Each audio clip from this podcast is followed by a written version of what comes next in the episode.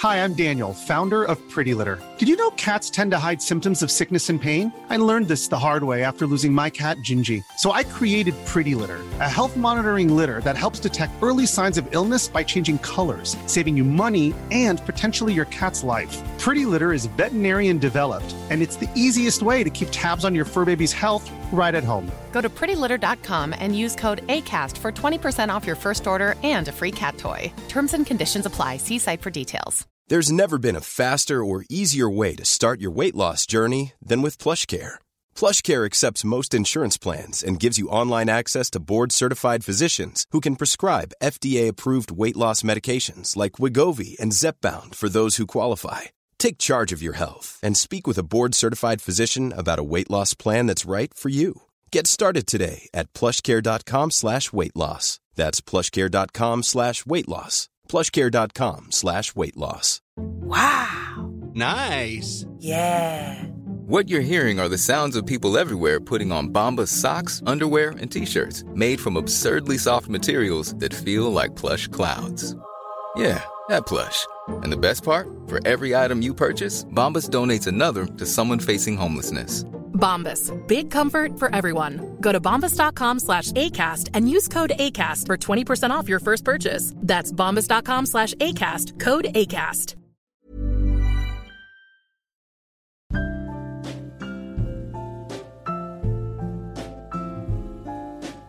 Sommarrea på iPod. Just nu 10% på alla iPod-modeller hela juni på kullander.se.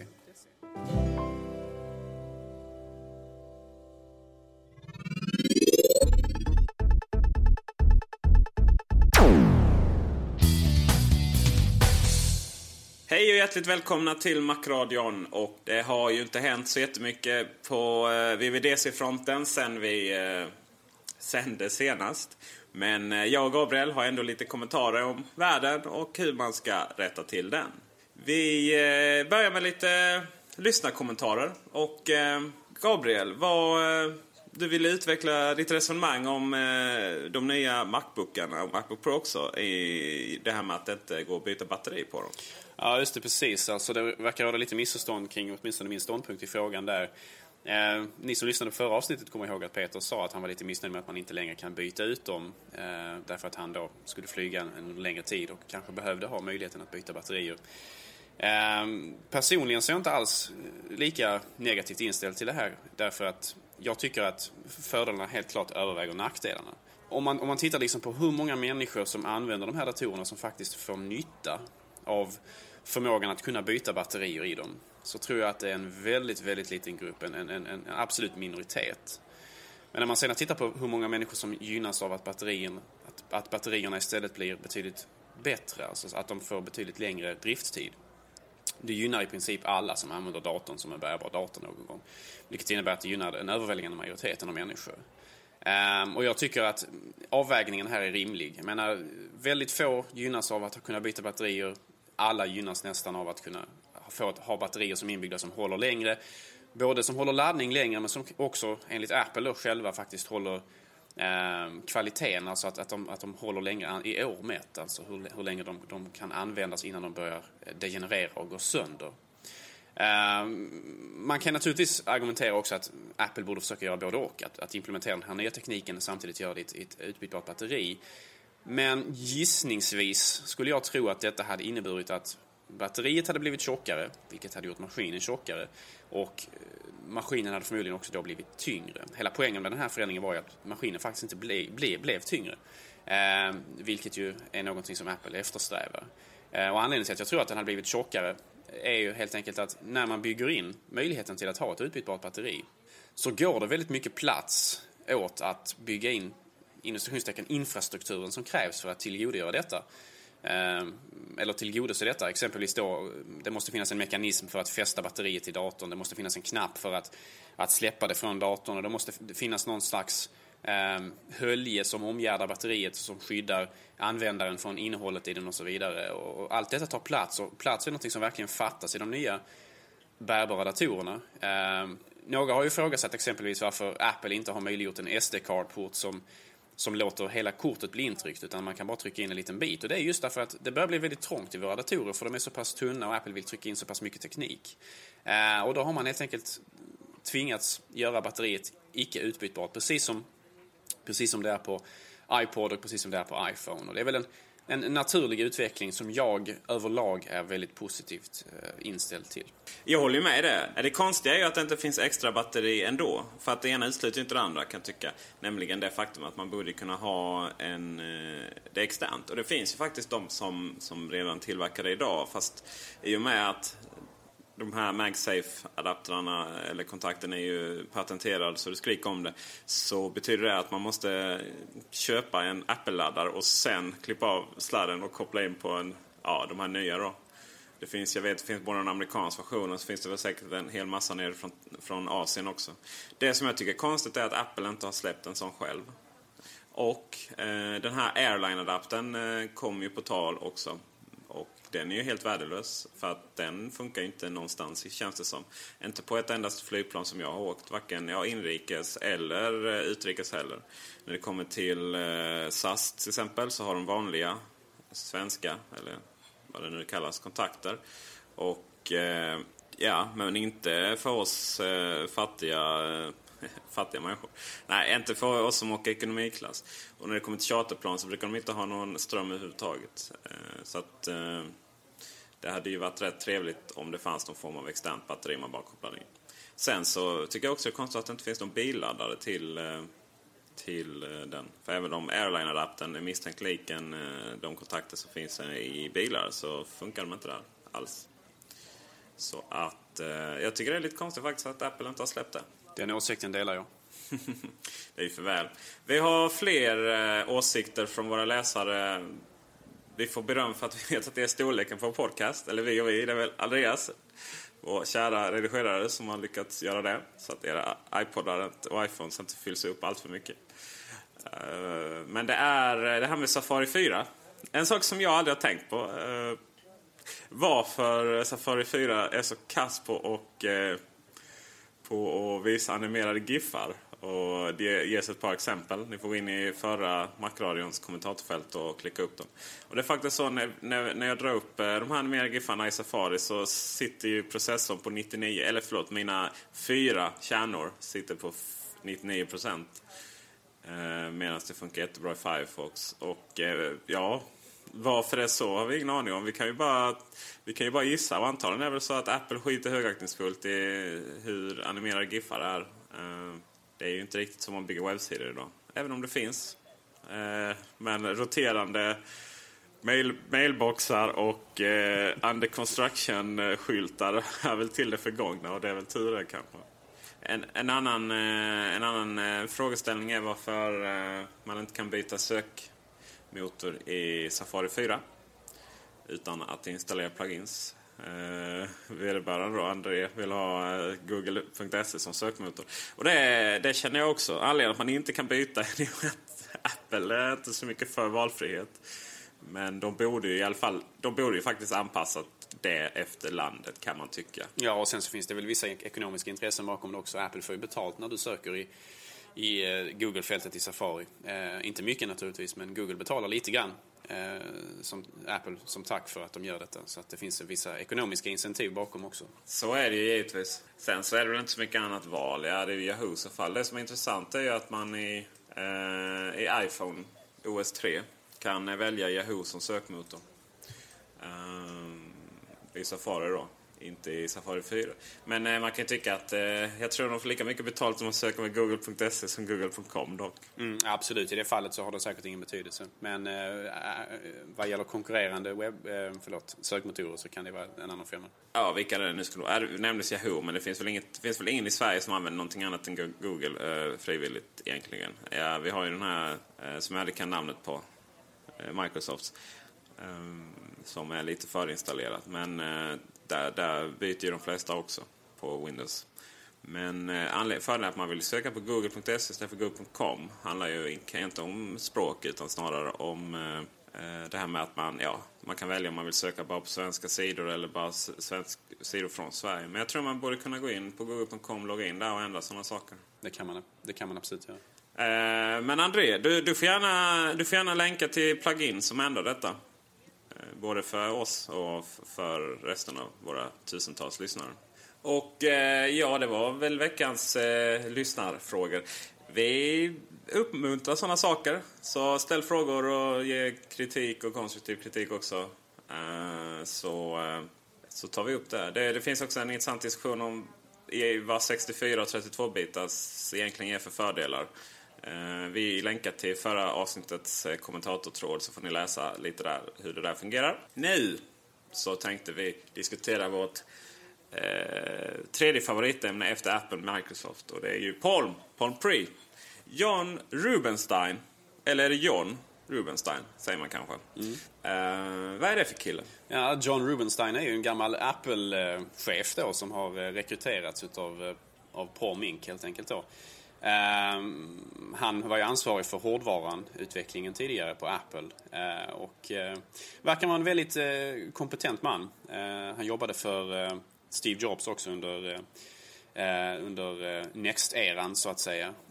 Och han har då rekryterats tillsammans med en hel del ingenjörer som bland annat har arbetat på iPhone för att just utveckla det som vi idag känner som Palm Pre, som ju är Palms, för, företaget Palms kanske sista chans att faktiskt eh, klara sig i den, i den branschen, eller i den, den nischen som de en gång i tiden var väldigt stora inom. Eh, han, han värvades eh, en gång i tiden av Ed Cooligan Eh, som, var, eh, som idag är den före detta chefen på Palm.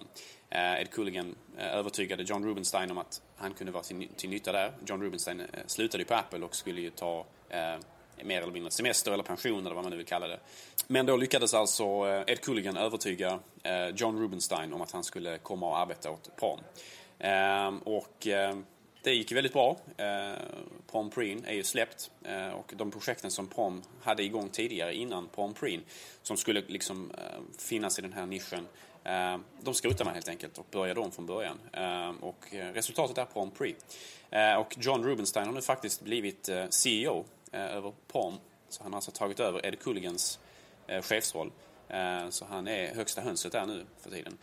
Och det skapar kanske något av en jag ska inte säga rivalitet, men något av en, lite av en fade kanske då med Apple och eh, Steve Jobs. Steve gillar väl kanske inte riktigt att konkurrera mot gamla, gamla eh, hantlangare och generaler så att eh, det ska bli intressant att se hur det här utvecklar sig.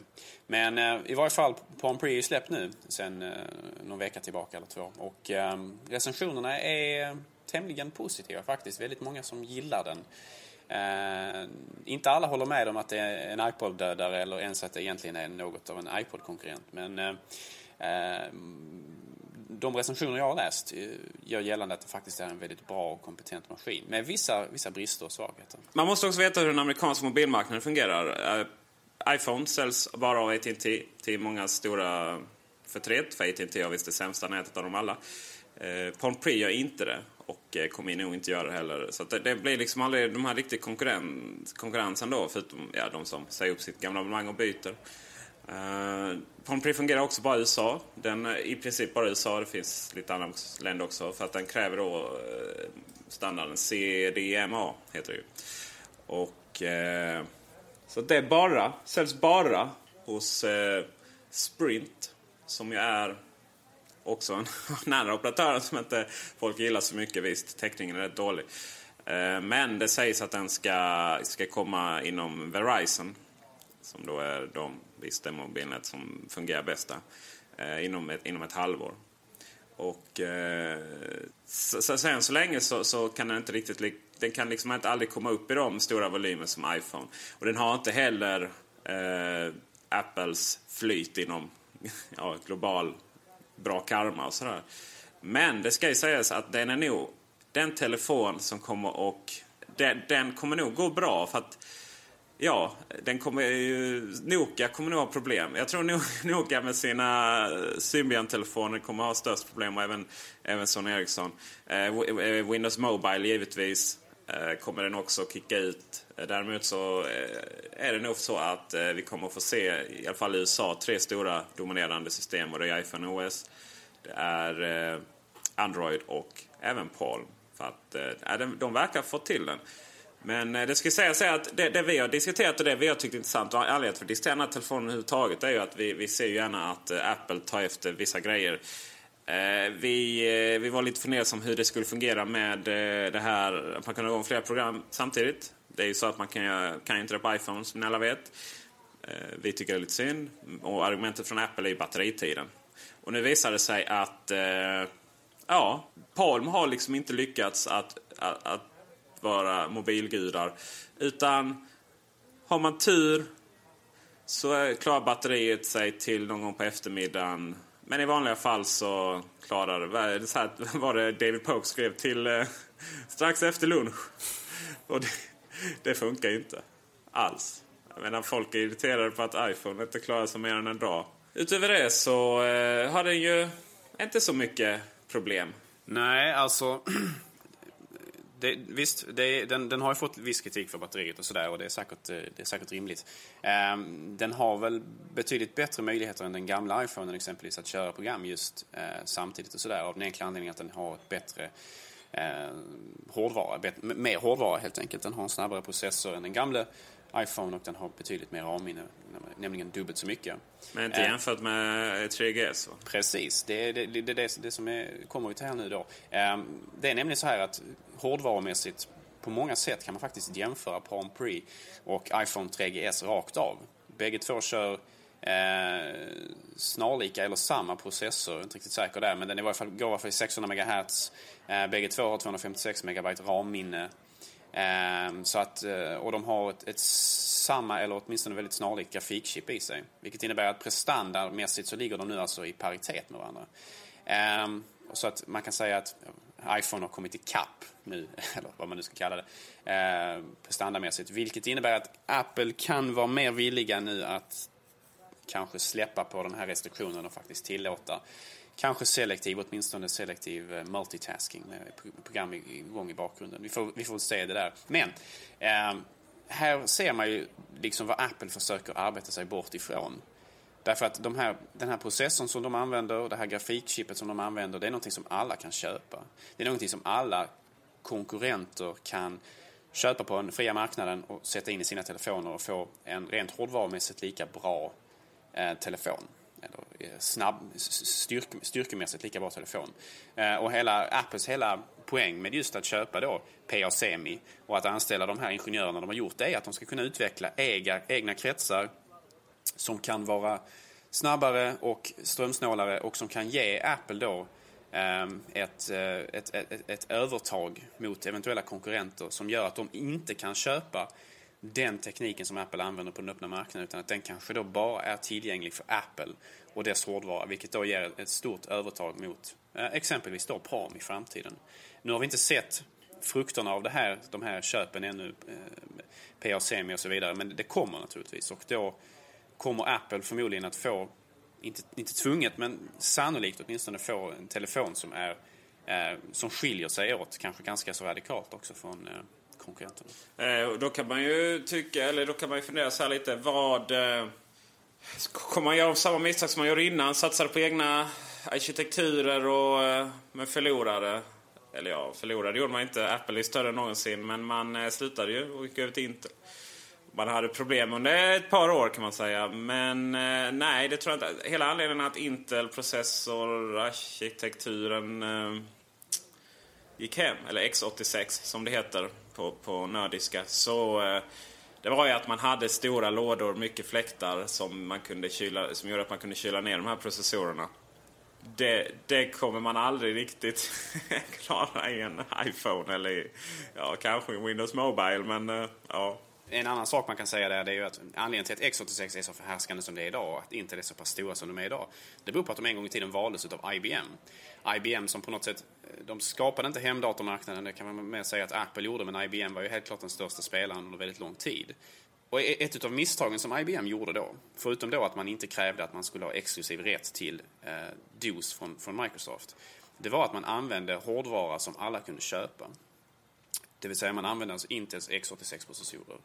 Eh, när man skapade den här PC-plattformen som man då kom att, eh, som kom att bli förhärskande i folks hem och så vidare.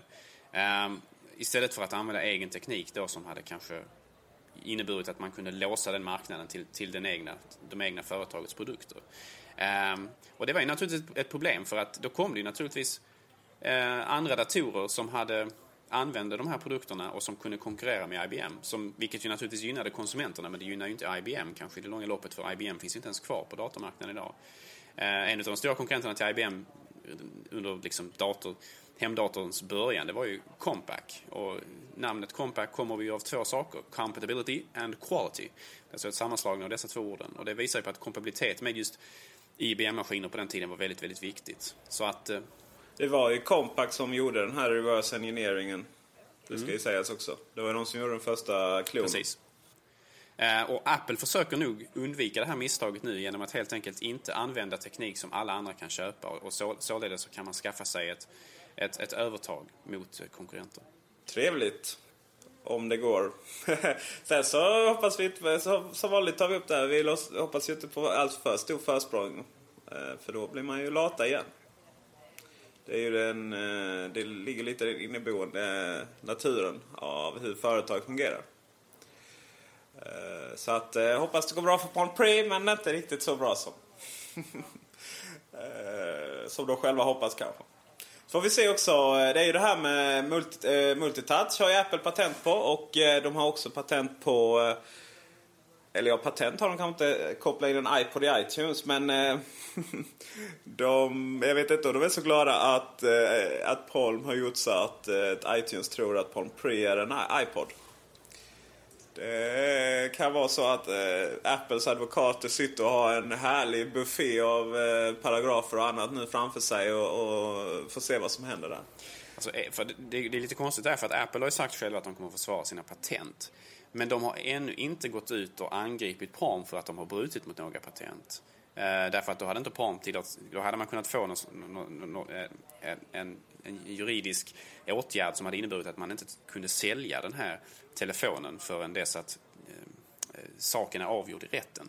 Eh, så Apple har uppenbarligen inte agerat ännu, vilket kan ju betyda många saker, men en, en av de sakerna kan betyda är att faktiskt Apple inte anser att de har tillräckligt mycket kött på benen för att faktiskt kunna ta detta till rätten och vinna. När att, har det hindrat Apple?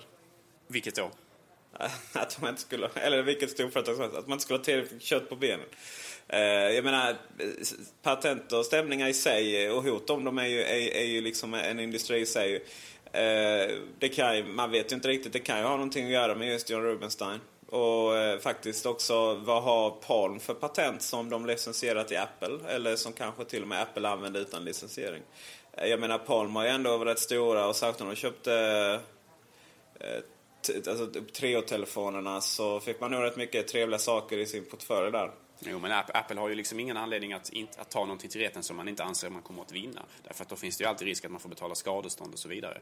Eh, så att eh, om inte Apple anser att man har tillräckligt mycket bevis eller tillräckligt mycket kött på benen som jag sa så kommer man förmodligen inte ta det till rätten. Det finns ju ingen anledning att ta det till rätten och förlora. Och liksom förlora anseende och förmodligen också skadestånd. Vi får väl se vad som händer helt enkelt. Andra rättsliga fall, eh, det var någonting nytt om eh, våra kära klontillverkare från Kalifornien. Ja, just det. Sizestar är ju i rampljuset igen. Alltså, eh, nu har Sizestar mer eller mindre gått i konkurs då och eh, Apple har ju då väldigt, ja, vad ska man säga, de, de försöker nu hindra Sizestar från att gömma sig bakom detta. Man anser att de är skyldiga dem pengar och Sizestar har ännu inte eh, redogjort för vilka ekonomiska intressen som faktiskt ligger bakom företaget. Eh, någonting som vi har spekulerat och eh, haft diverse konspirationsteorier här i Macradion tidigare. Och Apple är väldigt missnöjda med det här och ja, dansen i, i rätten fortsätter helt enkelt. ja, vad härligt. Någon av dem i alla fall. Det finns ju fler, eh, det blir med allt fler och fler klontillverkare. Vi har ju Ryssland, eh, hade vi någon och Tyskland någon. Och eh, där kan det vara kanske lite svårare att argumentera för sina saker. Dels har vi det här med mjukvarupotent som inte vi existerar riktigt och i Europa. Och, ja, det är en intressant framtid där också, ska jag säga. Men eh, något som är ännu mer intressant är vad ska Apple göra efter att iPhone OS 3 är släppt, iPhone 3GS är släppt och Snow Leopard är släppt. Och jag har ju en teori där. Vad har du? Jag är spänd på att höra din teori. Nej, jag, jag hoppas. Jag är ju som alla vet Apple TV-fan även om jag inte använder den så mycket nu längre. Eh, I och med Plex. Men eh, det känns ju som att det är ju det tredje där som de får satsa på ta mig tusan.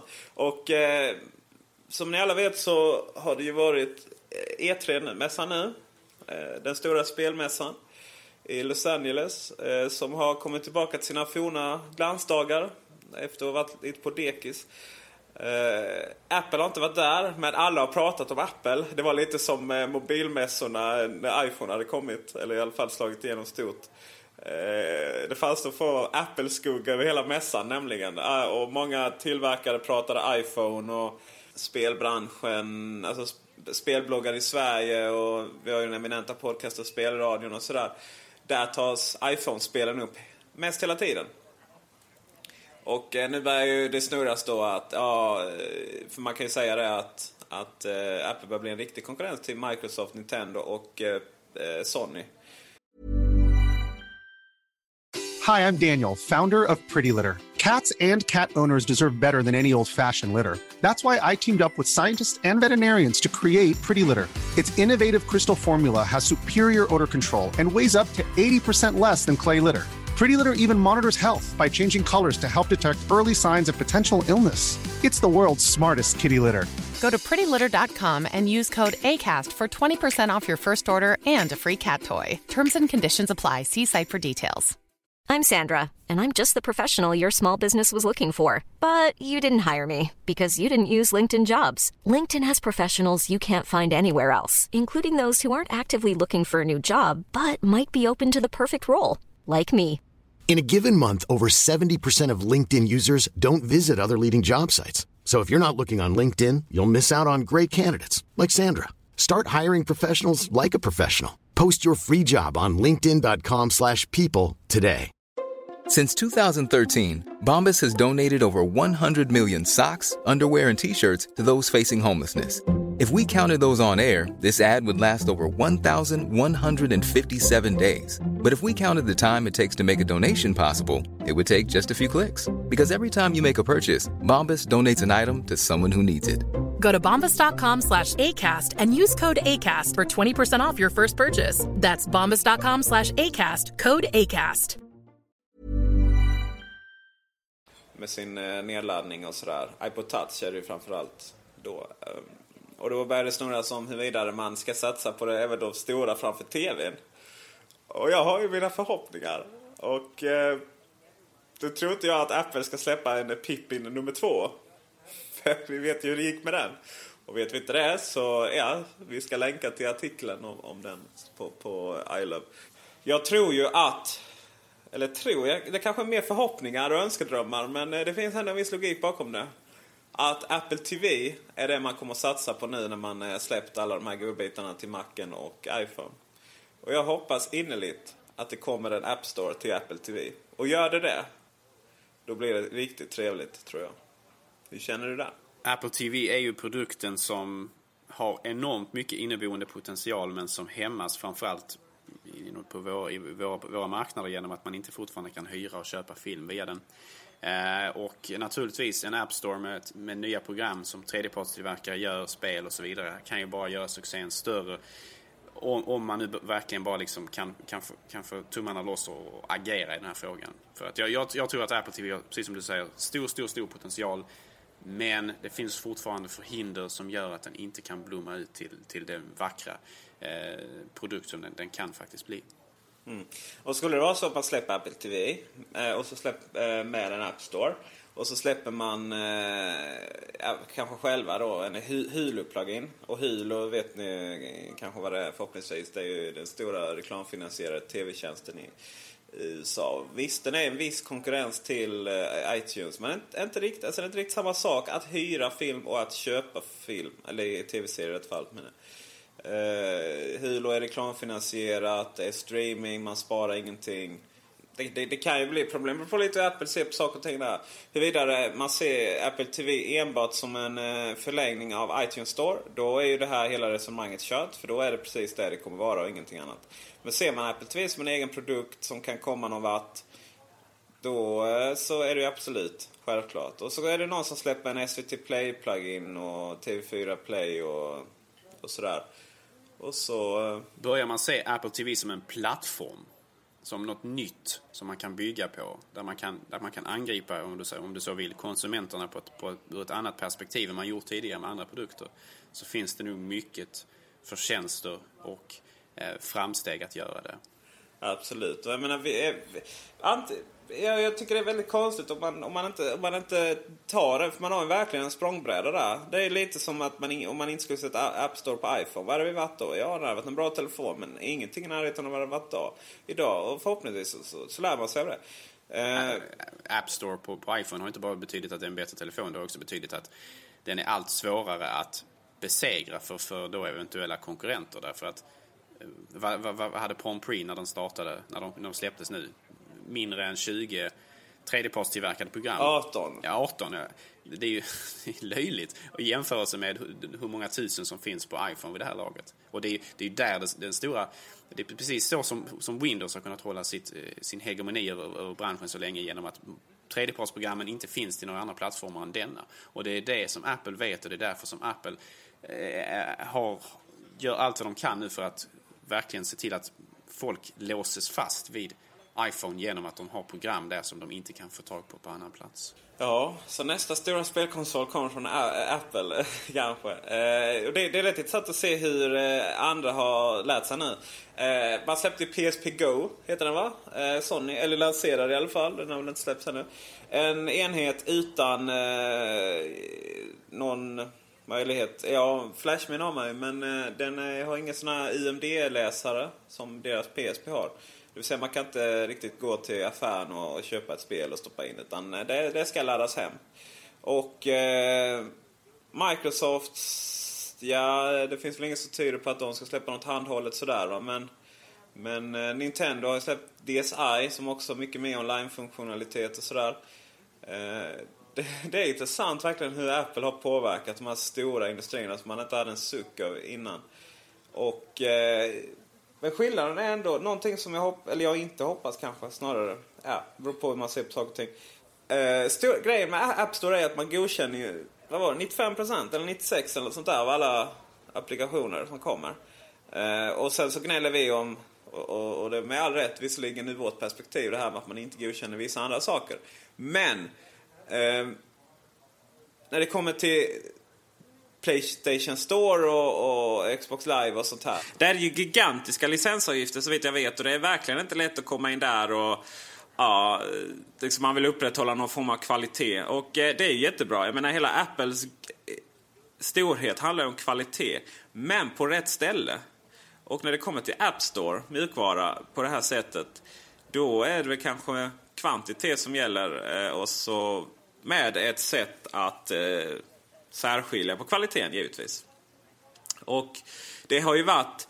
Ja, jag är den som kritiserat App Store många gånger för att det kan vara svårt att hitta guldklimparna. Och så är det givetvis. Men eh, fördelen med det stora utbudet överväger uppenbarligen det negativa. Apple kan man säga låter marknaden bestämma vad som är bra och inte bra istället för att sitta och ha tyckare inom, inom företaget som, som, som, som, som är kvalitetskontrollanter. Apple ser till att program fungerar som det ska och att det inte är något, något skadligt kod på dem och så vidare och det är ju rimligt. Även fast som du säger det finns vissa tveksamheter kring deras selektionsprocess ibland. Men, istället, men, men vad just gäller vad som är bra och inte bra det överlåter man alltså åt, åt konsumenterna och det kan ju vara klokt. Men det är, det, det är ju bra naturligtvis att man kan ha någon slags rankingsystem inom App Storen och att, så att folk, precis som du säger, kan hitta det som folk köper mycket och som folk ger bra betyg på och så vidare. Det är ju oerhört viktigt för att med så många tusen program som det redan finns till iPhone så börjar det, som du säger, bli lite oöverskådligt kanske. Och eh, på tal om spel. Eh, ni vet jag har ju kört Mac-spel. Eh, de har inte varit så bra uppdaterade på länge och eh, det finns förklaring till det. Eh, men eh, då ska vi lämna det här och konstatera att alla spel, eh, spelrecensioner och sånt där spelnyheter kommer ju skrivas på iLove.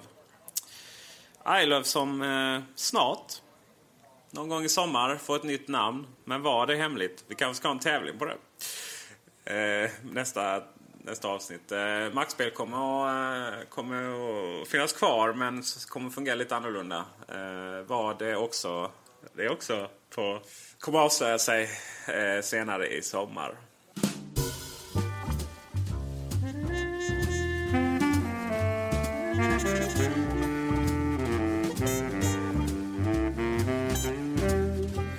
Missa inte att du kan förboka Snow Leopard redan nu hos kulander.se. Safari 4 har inget med spel att göra, men eh, den har ju laddat hem några gånger. Vad var det? 11 miljoner? Ja, just det Peter, det stämmer. 11 miljoner nedladdningar under tre dagar, varav 6 miljoner av dessa är Windows-versionen. Rätt så anmärkningsvärt. Det innebär alltså att det är fler som laddat ner den till Windows än till, till, till Mac OS 10. Ja, det är ju kul.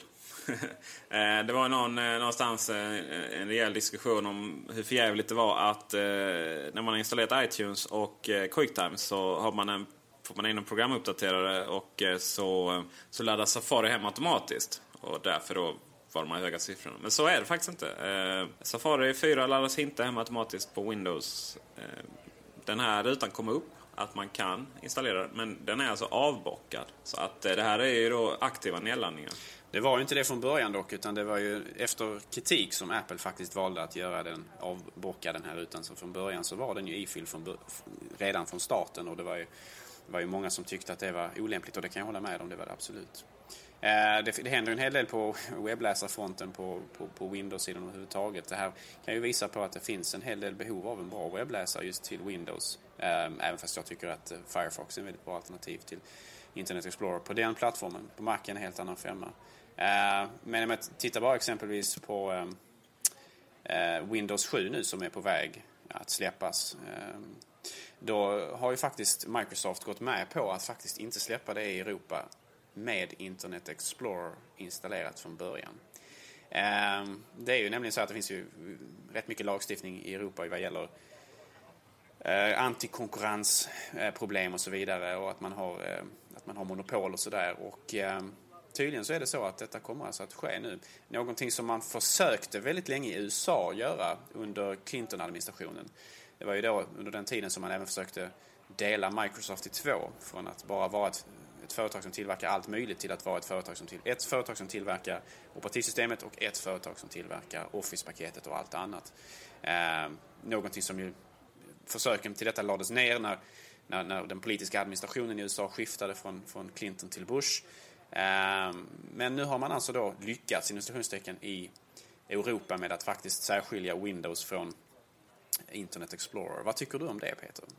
Givetvis så, eh, som den eh, liberal jag är, så har jag extremt svårt med myndigheter som lägger sig i allt för mycket. Men i Microsoft-fallet så... Eh, jag har också svårt med, jag har svårt med monopol i alla sammanhang. Oberoende om det är statliga eller eller eh, företag. Och när det kom till Microsoft så har, hade, hade de, och, de hade en särställning som saknade motstycke.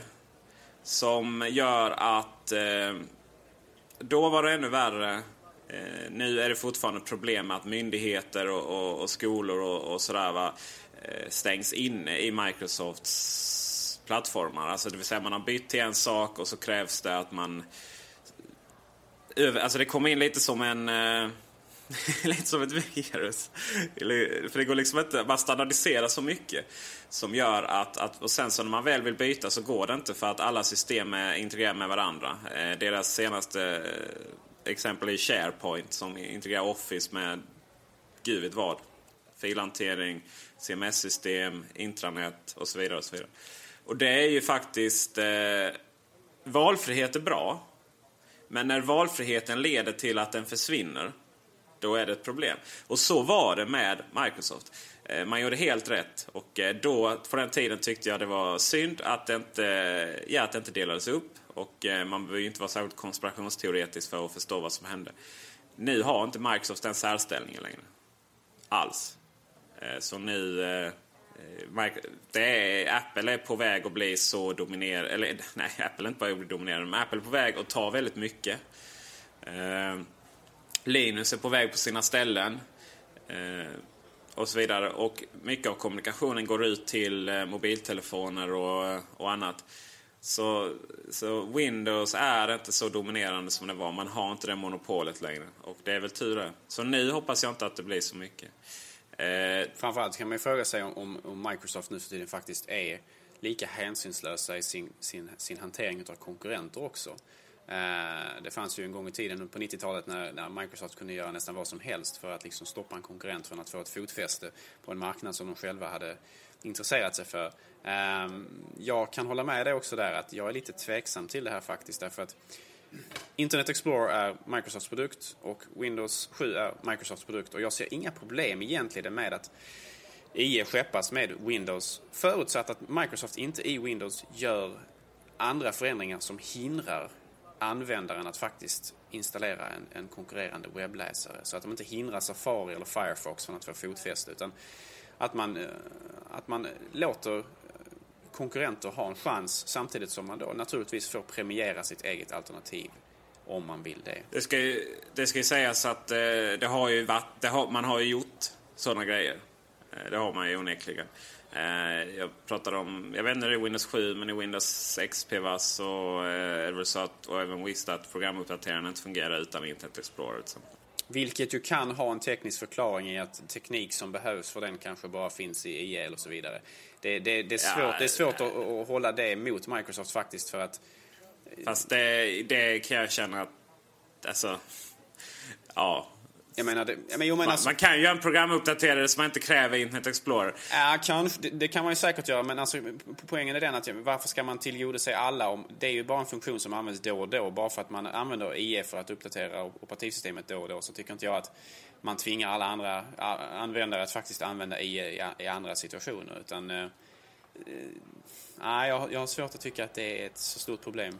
Ja, fast där är det lite att man, alltså man, det beror på hur man ser på saker och ting givetvis. Ser man operativsystemet som, som en förlängning av internet, vilket man har gjort till en delvis i Windows, så, så är det ju någonting som är naturligt inbyggt sådär. Eh, I MacOS funkar det inte på samma sätt alls. Men, eh, men det är mycket, alltså man, man, man det, det, här beror verkligen på när vi diskuterar det. Hade du frågat mig för ett halvår sedan, eller ett år sedan, hade jag varit helt förbannad. För då var, eh, då var det väldigt mycket... Ja, dels var MSN väldigt stort, vilket ju sabbade för Windows-användare. Eh, liksom. Uh, nu uh, finns det väldigt mycket andra sätt att kommunicera Skype. Uh, det är samma för Mac-användare, förlåt. Genom att, att uh, Mac-försäljningen var, var inte riktigt lika så stor som det skulle kunna vara. För att det gick liksom inte, bara en sån sak som uh, live Kidsen kunde inte chatta med hjälp av MSN, då, med videochatt. nu, nu, nu finns det alternativ till det. Skype har kommit, som har tagit över den rollen. jag skulle säga att Internet Explorer med sitt Act, eh, vad heter de? ActiveX. Ja, ja, precis. Eh, Sådana saker. Eh, att, att, att det, liksom när man installerar, när man kör Exchange på myndigheter så kräver webbmailer att man har Internet Explorer. Men samtidigt så finns det alternativ till Exchange nu och vi har ju, ja vi vet alla vad som är på väg i Snow Leopard. Eh, Windows Media Player, ja vem använder Windows Media Player då? Alltså det är så mycket av de här grejerna som för ett år sedan gjorde att Microsoft var så dominerande och att konkurrenterna hade svårt. Alltså det var svårt att ta fram väldigt bra program. Eh, det var väldigt svårt att ta fram bra, väldigt bra alternativ. För det fanns alltid någonting som gjorde att man var tvungen att använda Microsofts produkt ändå. I och med att det var en del av webbläsaren. Men på alla fronter håller Microsoft på att förlora nu. Eh, för att någonstans har alternativen lyckats att Ja, vi har Apple som har gjort, eh, som har gjort alltså operativsystem. Eh, eh, MacOS X, eh, MacOS 10 var ju så mycket bättre, har ju varit under, under sju år nu. Men, fem kanske. Men, eh, men någonstans har det, man varit beroende av Windows ändå. Det problemet har man inte. Det finns alternativ till nästan allting. Och så kan man bara installera Windows om man vill spela GTA 4 eller någonting. Eh, men vissa, vissa av dina poänger där exempelvis att, att tidigare så, så krävdes eh, att man körde ActiveX och, och IE för att använda vissa internettjänster och så vidare. Även fast det naturligtvis kommer lite grann ifrån Microsofts tekniska beslut så, så är det ju i slutändan, felet ligger ju faktiskt hos de slarviga programmerare och webbutvecklare som har utgått ifrån att vi använder Internet Explorer och, och dess eh, proprietära teknik snarare än att använda de öppna standarder som redan finns. Så att felet där i många fall är inte Microsoft så mycket som det är lata och odugliga programmerare för internet. Nej, för så är det fast, fast samtidigt så... Eh, alltså, man, man får någonstans utgå från att mänskligheten är ganska korrupt liksom. Eh, Som, som en liberal kan du väl ka- kanske inte tycka så? Herregud Peter. vad sa du? Jag tyckte du sa att du var liberal, då kan man inte gärna gå och misstro hela precis. Vi har, vi har en grund, eh, grundinställning att alla människor har sunt förnuft. Jo, precis. Eh, jo, fast samtidigt så är jag ju socialliberal och, och, och menar på att, att staten har visst ansvar liksom att styra upp det där. Och ja, men vad jag vill komma till är att man, men någonstans så får man i sina beslut utgå från hur världen ser ut, inte hur den borde vara. Eh, och, men sen Microsoft har gjort de har gjort mycket skit. Det säger som, som förut var de ju värre då va. Och eh, det är bland annat den här historien om hur Internet Explorer blev till. ju. Man lovade ju de som faktiskt gjorde den. Det var ju inte Microsoft som tog fram första versionen. Man lovade ju att de här som gjorde det skulle få eh, som betalning så här viss procent av inkomsterna för varje såld klient. Och sen släppte man det gratis istället. Och så vet vi alla vad som hände med Netscape ju. Eh, men... Och det eh, företaget som utvecklade tekniken då kan man tänka mig, som inte fick några intäkter alls. Precis. Och vi hade ju nu senast det här med vad som hände med standardiseringen om eh, de olika nya XML-formaten. Eh, som skulle igenom de olika standardiseringsinstituten och rösta. Jag menar, där gjorde man ju en kupp. Alla deras... Eh, alla deras eh, såna här eh, partners då blir medlemmar där. Alla, vem som helst kan bli medlem och alla har rösträtt. Och så helt plötsligt så gick det igenom då. Men eh, dock inte i Sverige. Eh, för att det blev ju sån bloggbävning även av det. alltså, man, alltså man försöker ju lite... Man försöker ju lite eh, fortfarande med lite fuffens. Och, och man kan inte riktigt utgå från att, att, att det är en menar, eh, våra liberala visioner fungerar ju oftast eh, bäst i en eh, öppen och fri marknad. Och, men öppna och fria marknader, det är inte bara staten som kan sabotera dem via monopol utan det är även liksom korruption och, och annat. Men eh, nu när vi sitter här och märker hur Microsoft får kämpa på alla fronter. Hur Apple från sitt håll, Google, Google från sitt håll allt mer tar över och, och andra alternativ. Så har det ju visat sig att, att det här fungerar ändå. Microsoft har inte lyckats med vilka knep som helst. Eller kanske tack vare att man har försökt med de här knepen. Så har man inte lyckats bibehålla sin position. Eh, så nu så, eh, ja, det går neråt för dem. Och jag tror inte att eh, varken EU eller, eller eh, USA behöver lägga i sig så mycket. Det ska ju sägas att Obama-administrationen eh, har börjat kolla på Apple också nu. Eh, I vissa sammanhang. Och, eh, de, och andra företag, de ska visst vara väldigt hårda nu mot eh, monopolliknande st- ställningar. Vilket är ganska intressant med tanke på att vi här i Sverige är så jävla snabba på att eh, på att kritisera USA för att vara, vara så nyliberalt eller konservativt kanske. De brukar ju gå ihop de här. Eh, men eh, mm, det finns mycket monopol där också. Kan man ju säga. Särskilt inom mobilbranschen. Vet du vilka eh, områden som man eh, tittar på Apples så kallade monopolställning? Jag ber att få återkomma i denna fråga. Ja, och eh, nu då innan vi avslutar veckans program så har eh, Peter faktiskt fått sina händer på en väldigt ny och förhoppningsvis trevlig maskin som han tänkte prata Den är lite om. nice. Peter, varsågod, ordet är ditt. Macbook Pro 13 tum. Eh, har jag pillat på. Jag tänkte jag skulle recensera den lite och eh, ja, den är inte helt olik den gamla Macbooken 13 tum aluminium. Men eh, känt är SD-kortet, kortet, läsaren, någonting. Som sitter väldigt snyggt. Vi har eh, Firewire 800. Glöm inte att byta era kablar nu. Vi har ju eh, bara en ljud in och ut. Det vill säga en ljud in i samma. Eh, det är ju inga problem egentligen för att som jag egentligen nämnde förra gången så eh, när vi spelar in grejer på en Mac så använder vi USB-headset egentligen ändå. Och är man musiker så, så använder man säkert externt ljudkort. Skärmen eh, ska vara lite bättre. Jag har väl inte märkt så stor skillnad egentligen. Men eh, ja, det märks säkert vid, vid extrema tillfällen. Eh, det som är Vi provar faktiskt att öppna den och 10 skruvar på undersidan. Sen så kommer man åt batteriet och faktiskt och eh, RAM-minnet och hårddisken. RAM-minnet och hårddisken är inga problem att byta. Det till och med står instruktioner i, i, inst- eh, ja, i manualen uppenbarligen hur man gör det. Och det är oerhört lätt. Man har alltså 10 skruvar, eh, vanlig skruvmejsel. Eh, RAM-minnena är mitt på, hårddisken får man skruva lite till. Eh, batteriet ser faktiskt rätt lätt att byta ut. Eh, ser rätt lätt att byta. Men eh, det står väldigt stor varningstext att man inte ska göra det. Och det är faktiskt så att byter man det själv så sabbar man garantin. Så den ska man... Eh, den ska man låta andra göra. Macbook Pro 13 tum med de tilläggen som eh, man gjort nu. Firewire framförallt, men även SD-card reader. Så skulle jag vilja säga att den här kommer nog bli den bäst säljande macken genom tiderna. Det är en sån bra dator. Den innehåller så mycket kraft. Eh, man kan stoppa SSD i den numera. Den eh, har bra processorer. Eller ja, processor. Man kan stoppa in 8 GB minne i den. Och eh, den är otroligt snygg, otroligt gedigen byggd nu. Eh, förut, det, det, enda, det enda kvalitetsproblemet innan var ju att eh, efter man hade tagit bort batteriluckan så var det, jag tog lite tid att få den på plats riktigt bra och sådär. Det har man inte längre. Den är, man får samma känsla av nya Macbook Pro 13-tum som när man, när, när, när, eller jag får samma känsla av den eh, som när jag tog upp min Air. Alltså bygget, det är lite teknikporr nu, men, men bygget är, det, den är otroligt härlig att hålla i. och eh, Ja, det finns ingen Laptop Hunter-reklam i världen som kan, eh, kan kritisera den. Och priset, trots den låga svenska dollarn, sven, svenska kronan, så priset blev inte så farligt faktiskt. Eh, jag utnämnde iPod Nano, förra, eh, den nuvarande generationen, till den bästa iPoden någonsin. Eh, med scrollhjul.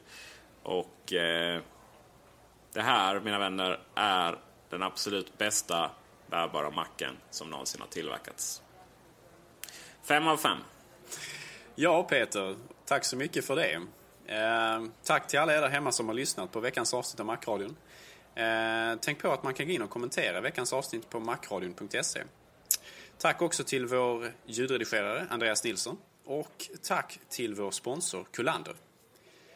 Det var allt för oss den här veckan. På återseende. Ciao! Macradion presenteras av kulander.se. Din personliga mackbutik i Malmö och nu också på Facebook.